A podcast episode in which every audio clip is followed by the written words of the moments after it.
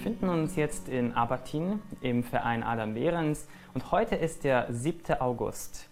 Dieser Tag ist ganz, ganz wichtig für den Verein, denn er markiert den Beginn eines ganz, ganz großen Projekts. Worum es sich genau handelt, erfahren wir sofort. Herr Marschitsch, können Sie uns erzählen, worum es sich bei diesem Projekt handelt und wie wurde dieses Projekt in die Wege geleitet? Ja, mehr als 20 Jahre versucht unser Verein, äh, sich um das große Kulturerbe der Donauschwaben äh, zu kü kümmern.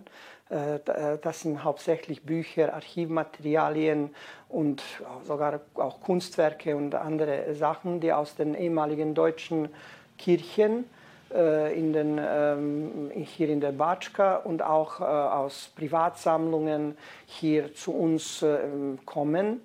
Da hat sich jetzt schon fast 40.000 Bücher, äh, Periodika, Archivmaterialien versammelt. Und äh, wir haben schon lange ein Projekt im Kopf gehabt, äh, dass wir diese ganzen Sachen äh, irgendwie katalogisieren, arch äh, ordentlich archivieren und äh, der Öffentlichkeit zur Verfügung zu stellen. Und endlich hat es uns gelungen. Ähm, drei Jahre haben wir gearbeitet auf einem Projekt zusammen mit dem Institut für Donauschwäbische Geschichte und Landeskunde aus Tübingen.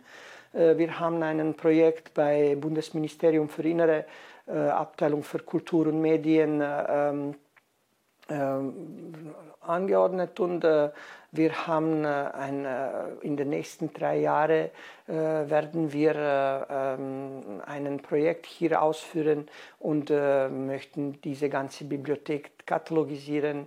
Und wir haben einen, einen großen auch finanzielle Unterstützung von dieser Fondation bekommen. Und jetzt endlich können wir mit dieser ganzen Arbeit, Arbeit starten, die in den nächsten drei Jahren ähm, dazu bringen sollte, diese, äh, hier eine Institution aufzubauen, wo man nicht nur jetzt die donauschwäbische deutsche Kultur und Geschichte forschen kann, sondern auch die Geschichte von Vojvodina und von diesem ganzen Gebiet.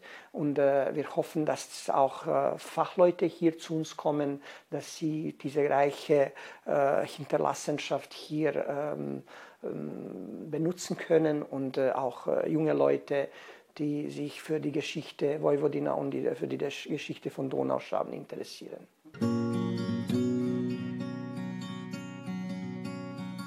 Mit dem Beginn dieses Projekts wurde somit ein wichtiger Schritt für die Gründung einer Institution gemacht, die nicht nur Forschern, sondern auch allen Donauschwaben aus der ganzen Region von Nutzen sein könnte. Zur Aufbewahrung des donauschwäbischen Kulturguts ist es aber neben der Erschaffung neuer Institutionen ebenso unentbehrlich, bestehende Institutionen zu bewahren und zu erneuern. Das Kirchenmuseum Herz Jesu ist ein solches Objekt hier in Apatin, das durch das entschlossene Engagement von Herrn Marschitsch und vielen anderen vor kurzem erneuert werden konnte. Im Jahr 2011 äh, ist durch einen Blitzschlag der rechte Turm abgebrannt. Und wir haben jahrelang äh, versucht, äh, Mittel zu finden, diesen, diesen Turm zu, zu reparieren. Und wie haben Sie es geschafft, die Reparatur zu organisieren? Ja, die Apatiner Gemeinschaft in Deutschland, die haben eine große Spendeaktion durchgeführt und durch diese Spendeaktion hat man den größten Teil von 25.000 Euro ähm, auch äh, durch Spenden bekommen. Aber auch äh, Renovabis, äh, Institution der Katholisch, humanitäre Institution der katholischen Kirche in Deutschland, hat uns auch äh, 10.000 Euro zur Verfügung gestellt für die Reparatur dieses Turmes. Und da hat uns auch der Erzbischof Robert Zolich, der ehemalige Vorsitzende von der Bischofskonferenz in Deutschland, auch geholfen, dass, unser, dass wir diese Mittel auch bekommen.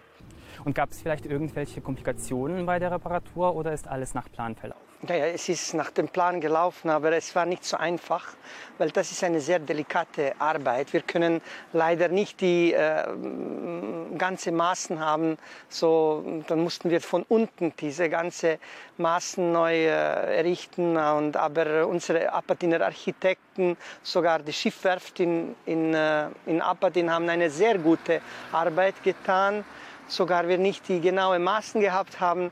Wir haben es geschafft, äh, wie man sagt, in einen Millimeter diesen, diesen Kappe dieses Turmes auf den Turm zu stellen. Und das kann man auch in unserem Video sehen, wie delikat diese ganze Arbeit war und wie dieser Turm direkt äh, auf die Turm diese Turmspitze auf den Turm dann äh, angebracht war. Es war nicht so einfach, wie es jetzt aussieht, aber wir sind sehr zufrieden. Und ich bin sehr dankbar für alle Donatoren und alle, äh, auch Bürger von Apatin, die uns unterstützt haben und auch die Apatiner in Deutschland und in der ganzen Welt, dass sie diese, dass sie, diese ganze Aktion durchgeführt haben und die, dass wir es endlich geschafft haben, diesen Turm zu reparieren.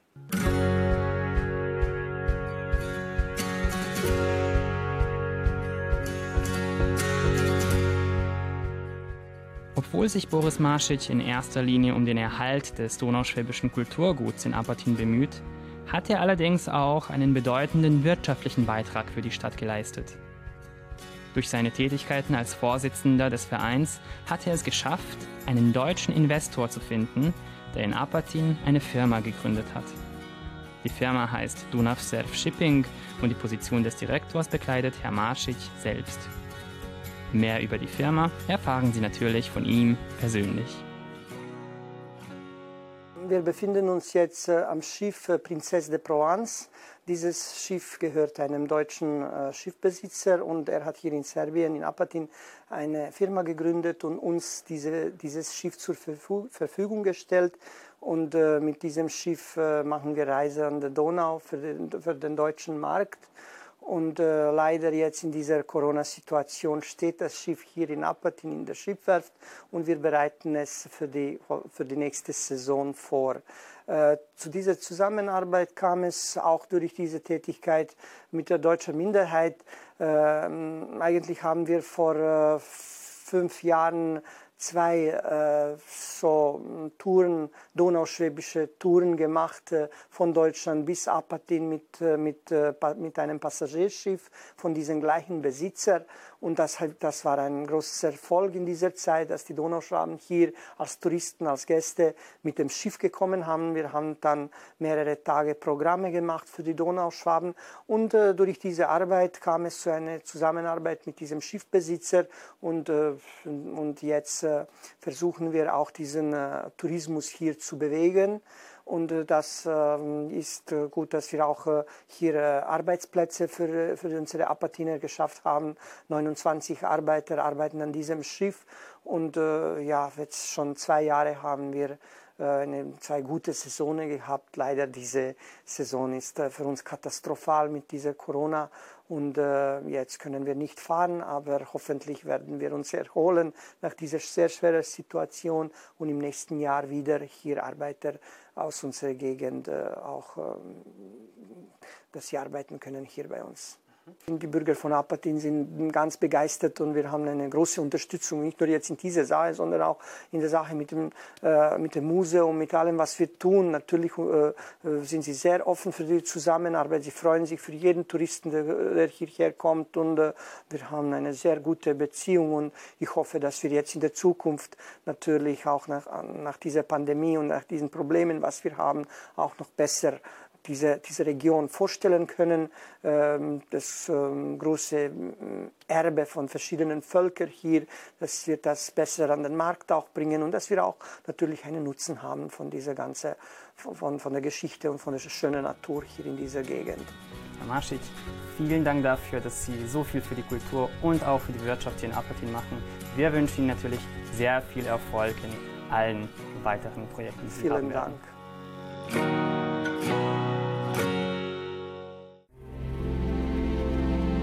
Gledate paletu. Izbor iz emisija na jezicima nacionalnih zajednica.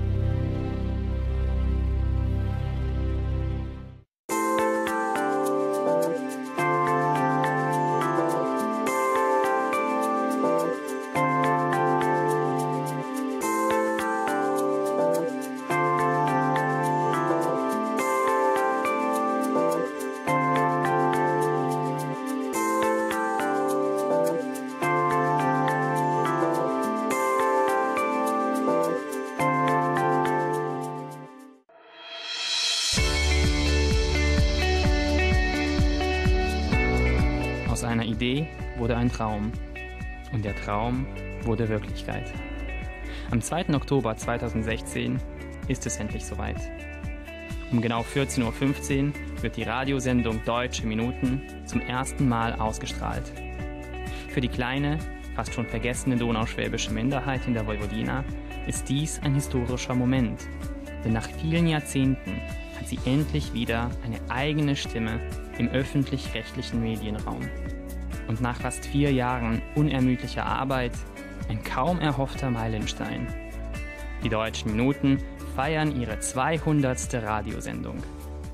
Es ist nun 200 Sendungen her, dass ich zum ersten Mal hier im Studio saß und Sie, liebe Zuschauer, damals nur Zuhörer, am Mikrofon begrüßt habe. Unsere kleine Redaktion hat sich seitdem entwickelt, vergrößert. Es waren am Anfang bloß ich und Heinelke, die uns jede Woche trafen und uns ausdachten, was für Themen könnten wir denn für Sie vorbereiten. Und nun ist die Redaktion größer geworden. Als die Radiosendung anfing, war das Ziel natürlich, Ihnen, also der deutschen Minderheit, ein Sprachrohr zu geben. Und wir sind sehr stolz darauf, dass uns das gelungen ist, dass eben auch die deutsche Sprache am öffentlich-rechtlichen Sender RTV vertreten ist. Was uns aber auch sehr freut, ist, dass zu unseren Zuschauern auch solche Menschen gehören, die sich für die deutsche Kultur und Sprache interessieren und die mehr über die Minderheit lernen möchten.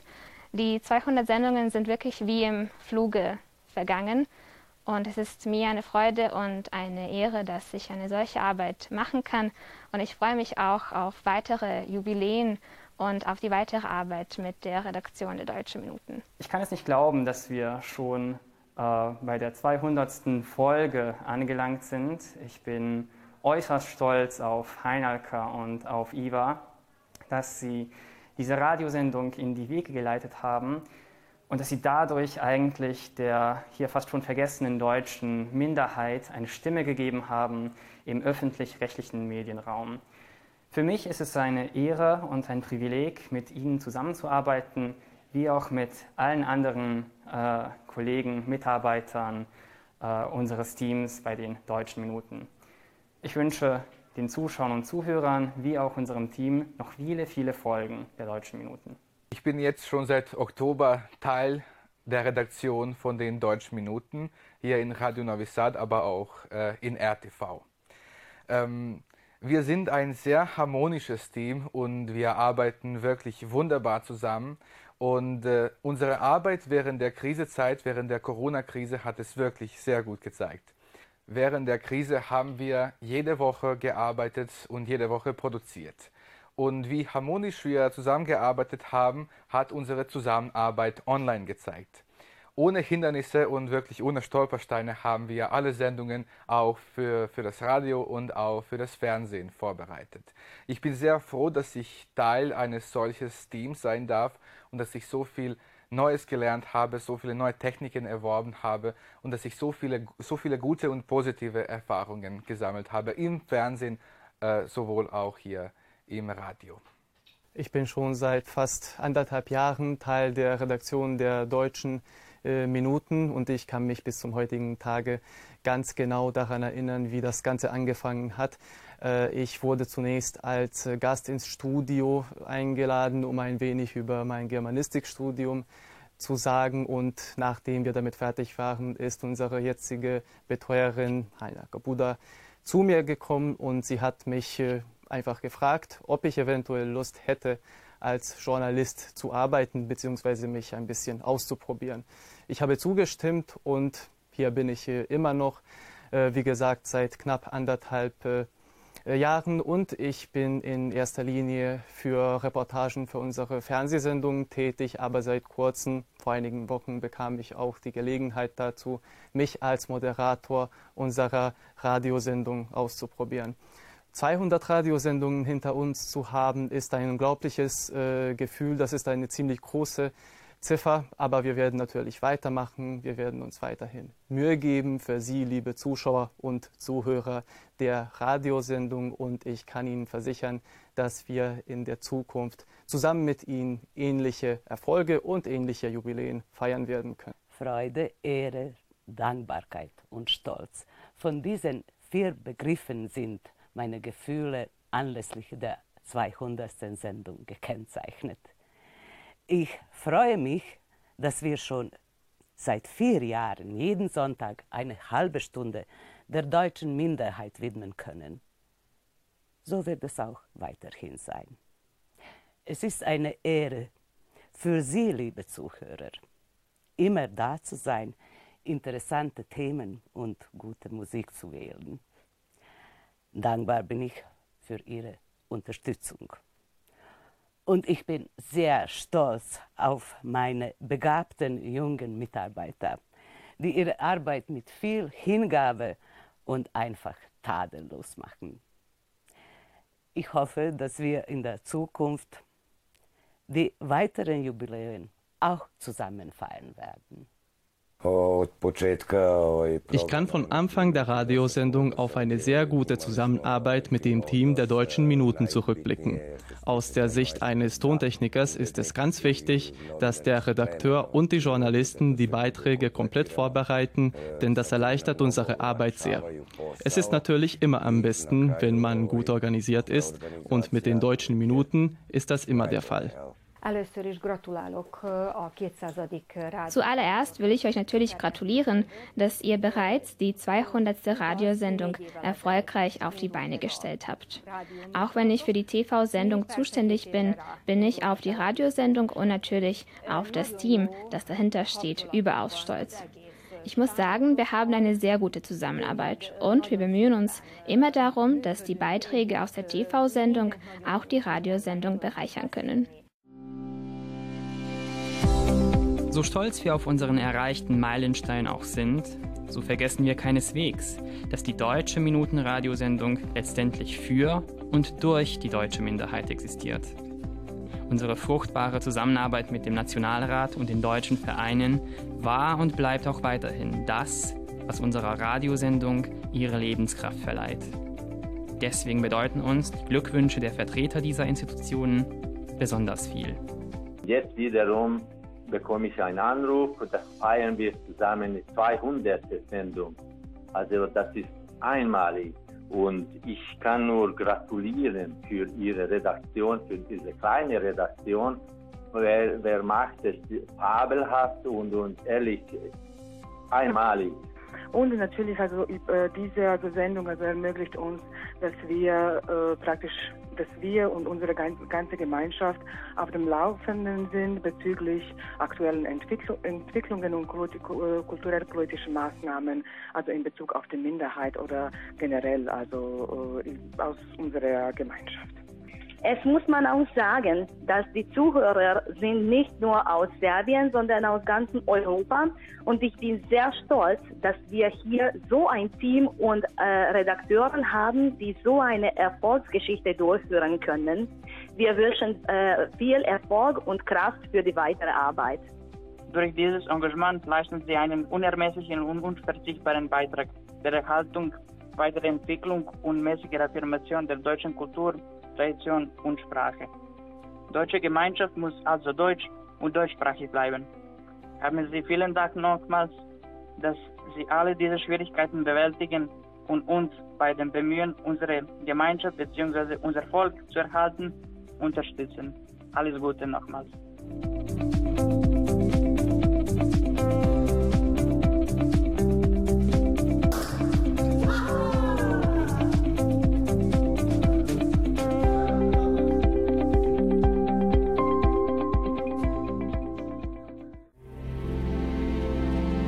Gledate paletu.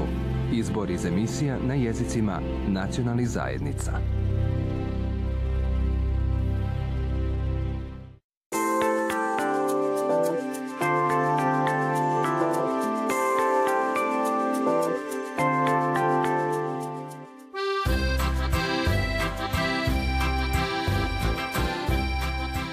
Als Reiseleiter ist Herr Lakatosch in der Kultur seiner Gegend gut bewandert, so auch in der Gastronomie. In Apatin kann man ein ganz einfaches, dafür aber feines Gericht ausprobieren, den Fischpaprikasch. Für die Vorbereitung auf traditionelle Apatiner Weise braucht man lediglich Zwiebeln, gemahlene Paprika, etwas Salz, Fisch und ausschließlich Wasser aus Apatin. Etwas fehlt, meinen Sie? Das stimmt, Denn zu einem Fischpaprikasch gehören auch Nudeln mit dazu. Haben Sie sich aber je gefragt, wieso das eigentlich der Fall ist? Dahinter, wie und wieso die Nudeln in den Fischpaprikasch gerieten, steckt eine interessante Geschichte. Ja, das hatte noch die Maria Theresia, also die Kaiserin, 1740er Jahren hatte die äh, deutsche Leute aus Ulm, Regensburg, Deckendorf und in der Umgebung äh, hergesiedelt nach, der, nach Apatin, da war der Zusammentreff. Und nicht nur Apatin, sondern ganz bis nach unten, bis, Rumänien und so weiter. Da hatten, hatten die, wurden die kolonisiert. Und dann haben die freilich alles gehabt, nur äh, die Mühlen waren, es waren noch keine elektrische Mühle, es waren auch keine, keine äh, Motormühle. Dann haben die das entdeckt, aha, die Donau ist ja eine kraftvolle äh, Mündung, gell? also dann ist es ja wichtig, äh, ein Schiff wurde gebaut und dann ist es wie ein äh, Mississippi-Rad, die Mühle wurde verankert und freilich der Wasserstrom hatte das große Rad getrieben. Und das große Rad hatte dann über den Achsen, also die Steine, und hatte gemühlt. Da haben ja gearbeitet junge Leute und das waren Geselle. Die Geselle hatten damals so 14, 15 Jahre, aber die haben den ganzen Tag sehr schwer gearbeitet. Und was wichtig war, so ein Sack, der war nicht 50 Kilogramm, sondern ein Sack hatte dann 80 Kilogramm äh, oder ob das mal Weizen waren, ob das mal Mehl war, aber zu zweit haben die den Sack dem stärksten Geselle auf den Arm oder auf den Rücken gestellt, äh, ge gelegt und dann hatte der mal in das Boot reingetragen und danach dem, aus dem Boot in die Mühle reingetragen. Also das war eine strapazierte Arbeit, sehr schwer. Und dann waren die sehr, sehr hungrig, wo die ja äh, um die Mühle, Mühle hatten sehr viele Fische ohne weiteres, aber Fische äh, sind energetisch ganz schwach und kalorisch noch schwacher, so gesagt. Und dann haben, sich, äh, haben die sich geklagt bei den Esnaf, äh, Müller Esnaf, und dann haben die gefragt, ja gut, Fische habt ihr, habt ihr auch Mehl? Ja, wir haben das auch. Ja, aber dann bitte mit einem äh, Hühnerei macht ihr mal dann Nudel oder Spätzle gesagt, Nudel Schwowisch, Apatiner schwowische Sprache. Und dann haben die das mal versucht und dann haben die eingesehen, ja, weil ein Kilogramm, ein Kilogramm Mehl gibt ja 800 Kalorien. Und dann haben die das angefangen und das geht bis heute noch immer Fischpaprikas mit Nudel. Das geht von Mohac bis äh, Batschka Palanka ist es eine Gewohnheit, äh, den Fischpaprika so servieren und freilich auch so essen.